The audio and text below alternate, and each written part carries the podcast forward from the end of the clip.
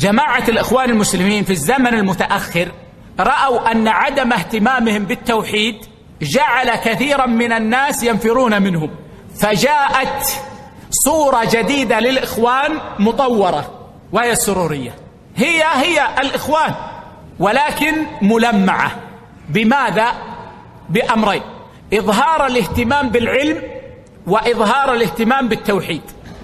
ولكنهم إذا تأملت في أحوالهم تجد في اهتمامهم بالعلم والتوحيد أمرين.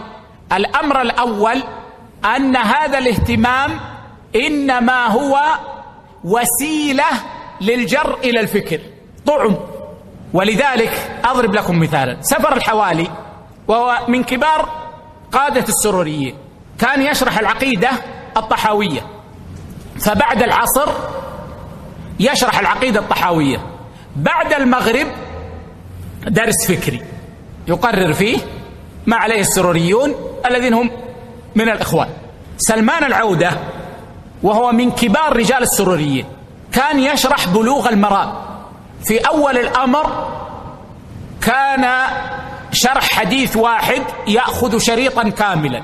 ثم بعد فترة ليست طويلة صار في وجه يشرح أربع أحاديث خمسة أحاديث. وفي وجه يتكلم عن الفكر والمنهج على طريقة السروريين. إذن بالاستقراء والتتبع نجد أن هؤلاء السروريين يجعلون الاهتمام بالعلم ودروس العلم والاهتمام بالتوحيد طعما للفكر والمنهج. ولذلك سلمان العودة يقول إن التوحيد يتعلم في عشر دقائق. التوحيد الذي قضى النبي صلى الله عليه وسلم عمره منذ بعث إلى أن مات يدعو إليه يتعلم عشر دقائق. فهذا الأمر الأول الذي تلحظه في, في اهتمام السروريين الإخوانيين لأن السروريين هم إخوان بالعلم والتوحيد. الأمر الثاني الذي تلحظه أن اهتمامهم بالجملة لا بالتفصيل. فهم إذا تكلموا عن التوحيد لا يتكلمون عن التوحيد تفصيلا وبيان صور الشرك الواقعة ونحو ذلك وإنما يتكلمون بالإجمال. وهذا أمر واضح ومدرك.